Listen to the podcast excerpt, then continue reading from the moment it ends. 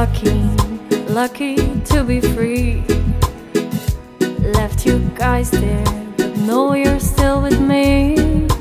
Fight them all with your love, love will give you victory. Goedemorgen zonder zorgen en welkom bij weer een nieuwe aflevering van Jasmin schrijft let op, de podcast.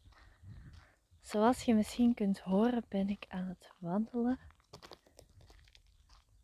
met vogelgeluidjes op de achtergrond. En dat gaat alleen maar meerwaarde geven aan deze podcast. De podcast van vandaag is een pikante. en daarmee wil ik zeggen dat die niet voor iedereen is. Of ja, eigenlijk. Nee, elke podcast is er voor iedereen. Maar dit gaat uh, moeders in het algemeen, denk ik, harder verder helpen dan anderen. Want ik heb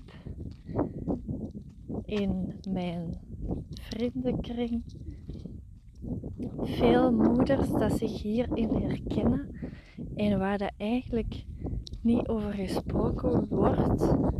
Of ja, dat ik dan eigenlijk de enige was dat dat, dat, dat onderwerp aankaarten, terwijl dat ze dat bij anderen van hun kennis of familie of vrienden, um, dat ze het daar eigenlijk niet over hadden. En dat is het vaderschap en het moederschap en de verschillen daarin. Want ik denk dat wij als vrouwen sneller geneigd zijn ons in een slachtofferrol te winden wat betreft het moederschap. Terwijl ik vind dat dat eigenlijk iets natuurlijk is.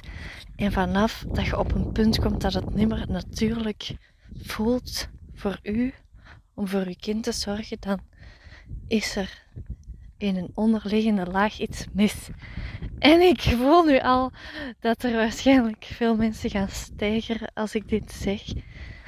Maar als je heel veel tijd voor jezelf nodig hebt in het moederschap en als je veel rust nodig hebt, dan denk ik dat dat 9 van de 10 keer komt omdat je niet 100% jezelf bent bij je kind.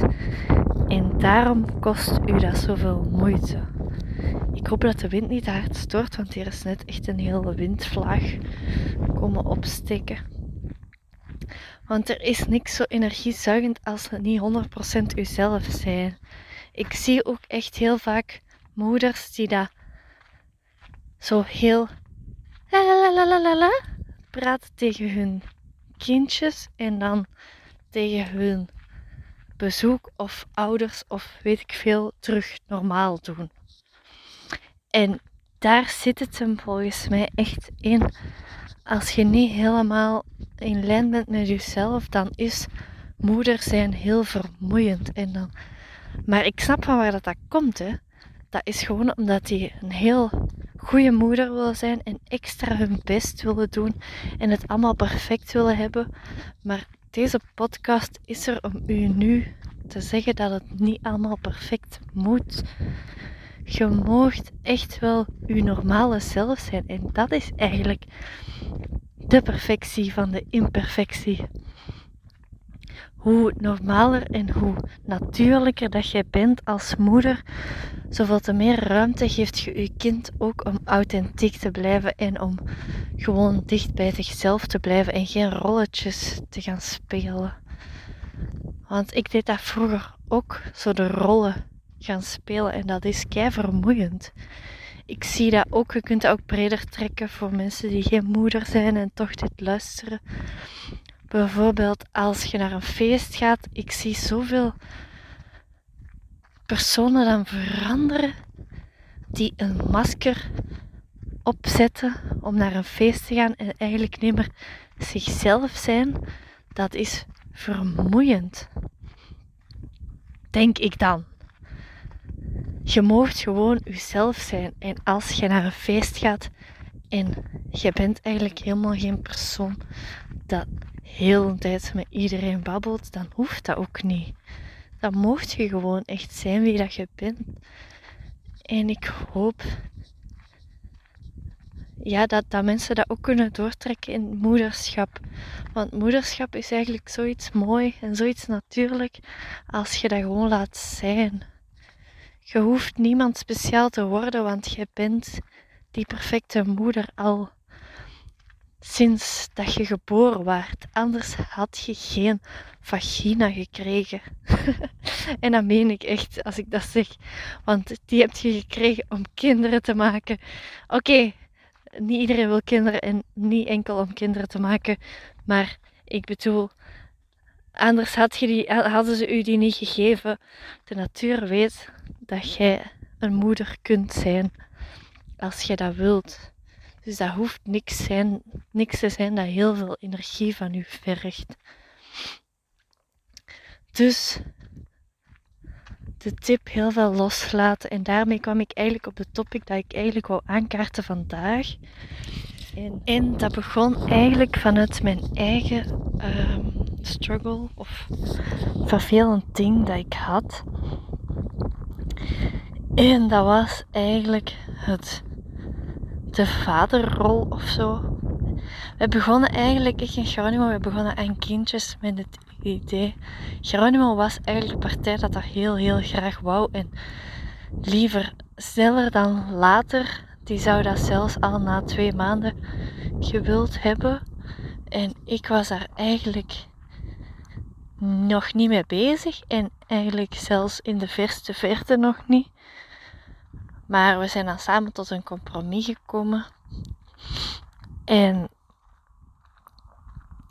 ook zat ik daarin met het idee, ah, als hij dat zo graag wil, dan gaat hij daar wel alles aan doen en daarmee bezig zijn. En we gingen ook vaak bij vrienden op bezoek en die speelden dan ook met die kindjes. Dus ik dacht, ah ja, dat komt wel goed.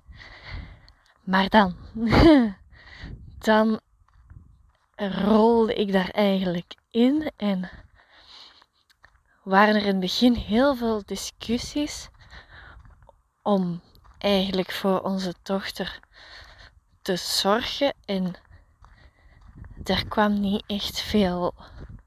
Uh, hoe, hoe kan ik dat mooi verwoorden? Er was eigenlijk geen intrinsieke motivatie van hem uit om voor die baby te zorgen. En als ik daar nu naar kijk, in het begin vond ik dat heel erg en heel raar ook. En als ik daar nu naar kijk, denk ik ook dat dat een heel groot stuk de natuur is.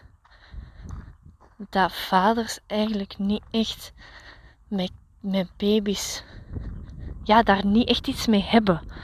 Ik kwam ook super vaak in het openbaar en er waren altijd vrouwen die naar mij toe kwamen en zeiden: Oh, zo schattig en oh, wauw, zo lief en oh, dit is uh, de tijd van uw leven en oh, geniet ervan. En mannen zeiden dat eigenlijk nooit. En in het begin dacht ik, voelde ik me daar eigenlijk heel eenzaam mee.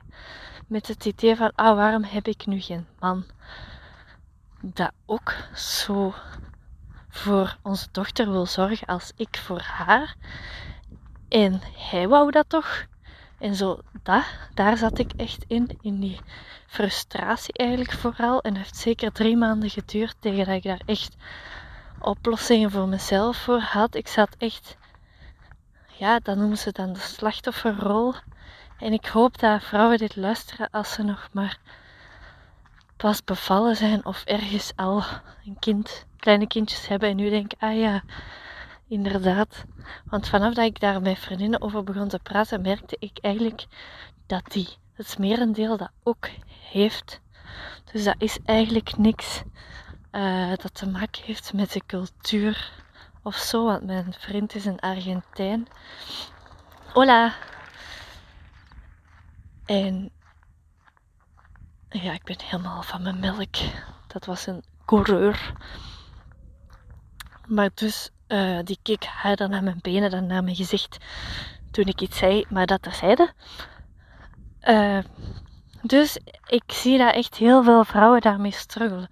En ik heb voor mezelf echt handvaten moeten zoeken om hiermee om te kunnen gaan. Want ik ben eigenlijk een heel passionele creatieveling. Het liefst van al zit ik gewoon heel de dag dingen te creëren en ben ik aan het schrijven en ah, zit ik graag zo in die, in die flow.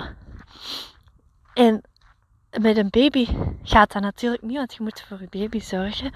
En op zich niet erg, maar gewoon, ja, elke dag tijd voor, voor je ding te doen is gewoon leuk. Dus had ik er niet beter op gevonden om eigenlijk samen met mijn kind dan te gaan slapen en dan s'nachts terug op te staan na zes uur slaap en dan de rest van de tijd dat ze slaapt eigenlijk mijn ding te kunnen doen. Om zo eigenlijk door te kunnen gaan en positief te kunnen blijven en mij niet verder te verwikkelen in die slachtofferrol waar ik in zat. Dus ik hoop dat ik hiermee inspiratie heb gegeven aan andere moeders om te blijven doorgaan en uh, voor jezelf op te komen eigenlijk ook.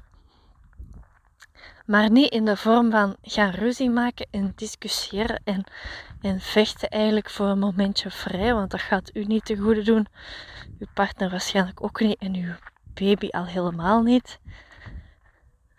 Sta dan gewoon eens een uur vroeger op. Dus pak als je om 8 uur opstaat of om 7 uur, sta dan eens om 6 uur op en spendeer dat uur volledig aan me-time voor uzelf. Want als mama heb je dat echt wel nodig. Zeker zoals ik daar net al aanhaalde, als je zo de te perfecte mama wilt zijn, dat kost heel veel energie. Dus dan heb je dat momentje voor jezelf. Dan begint je gewoon anders aan je dag. En dat gaat zoveel veranderen. Bij mij heeft dat echt dag en nacht verschil gemaakt. Ik was eerst gefrustreerd en kwaad en ik zat heel hard in die slachtofferrol. Maar vanaf als je manieren zoekt voor jezelf om daar toch enigszins ademruimte in te vinden en dingen te doen die dat jij graag doet, dan gaat je ook uh, een betere mama zijn gewoon. En ja, bijvoorbeeld uh, als dat opstaan te moeilijk is, kunt je bijvoorbeeld, maar dat vind ik eigenlijk een beetje raar om aan te raden, maar het kan de enige oplossing zijn op een moment dat je echt tijd hebt nodig hebt voor jezelf, dat je u, dan kun je beter even de tv opzetten. Ik ben zelf helemaal geen fan van tv trouwens. Ik kijk nooit tv. Als ik tv kijk, is het de zee. De zee is mijn tv, zeg ik altijd. Maar dus, als dat de enige oplossing is voor me-time, doe dat dan. Zet uw kindje dan even voor een tv en pak dat uur voor uzelf. Dat is nog altijd beter dan dat je kwaad gaat worden of gefrustreerd gaat zijn of in een haast moeder gaat zijn. Dus, maar de grootste tip vind ik nog altijd, en wat u het meest deugd gaat doen, is dat uur vroeger opstaan. Maar ik denk misschien als je begint met dat uurtje tv kijken en dat jij dan kunt doen wat je wilt, dat je van daaruit al meer energie gaat krijgen om dat uur vroeger op te staan. Dus laat deze podcast een hart onder de riem zijn voor alle mama's die die dat heel hard mama moeten zijn. Uh, ja, en ik heb echt al met veel mensen hierover gepraat. En er zijn echt allerlei soorten vaders, maar afwezige vaders, alcoholische vaders, um, vaders die spijt hebben dat ze vaders zijn, dus vaders in de slachtofferrol kan ook. Uh, het is niet zo dat jij de familie uit het boekje moet zijn. Jij moet gewoon proberen een zo goed mogelijke moeder te zijn en verantwoordelijkheid te nemen voor uw keuzes. Dus wat de ander doet, dat maakt niet uit. Jij bent hier de mama en jij kunt dat. En wat dat de andere doet, heeft geen effect op u. Vroeger misschien, maar vanaf nu, nu dat je dit geluisterd hebt, niet meer. Jij geeft het voorbeeld aan uw kinderen. En wie wilt je tenslotte zijn? Wat voor een voorbeeld wilt je geven? Een moeder dat constant loopt te zagen en te klagen dat ze nooit geen vrije tijd meer heeft en geen me-time? Of een moeder dat uur vroeger opstaat en misschien s'avonds een beetje moer is, maar wel heel de dag vrolijk en goedgezind rondloopt? Die keuze ligt bij u. En vanuit dat opzicht maakt het niet uit of u of het vaderschap met alcohol verloopt of in afwezigheid of in een slachtofferrol. Jij kunt zelf het voorbeeld geven. En ik ga terugdraaien, want hier staat ineens een gevaarlijke hond op de weg. En ja, je weet nooit wat gevaarlijke honden met onschuldige vrouwen zoals mij kunnen doen. Maar dus, ik hoop dat er iemand iets aan deze podcast heeft gehad en hier vooral ook steun uit kan halen. Want daarover piekeren en de ander proberen te veranderen gaat u niet helpen. In eender welke situatie eigenlijk. Jij moet zien hoe dat je hier dit moment nu positiever en rustiger en blijer kunt functioneren. En als dat betekent dat je een uur vroeger moet opstaan, so be it. Dat is maar een uur. En dat is even pijnlijk als de wekker gaat. Maar daarna gaat je eens zo gelukkig door je dag en bent je een betere mama. Dankjewel voor het luisteren en ik hoop dat er iemand iets aan heeft gehaald.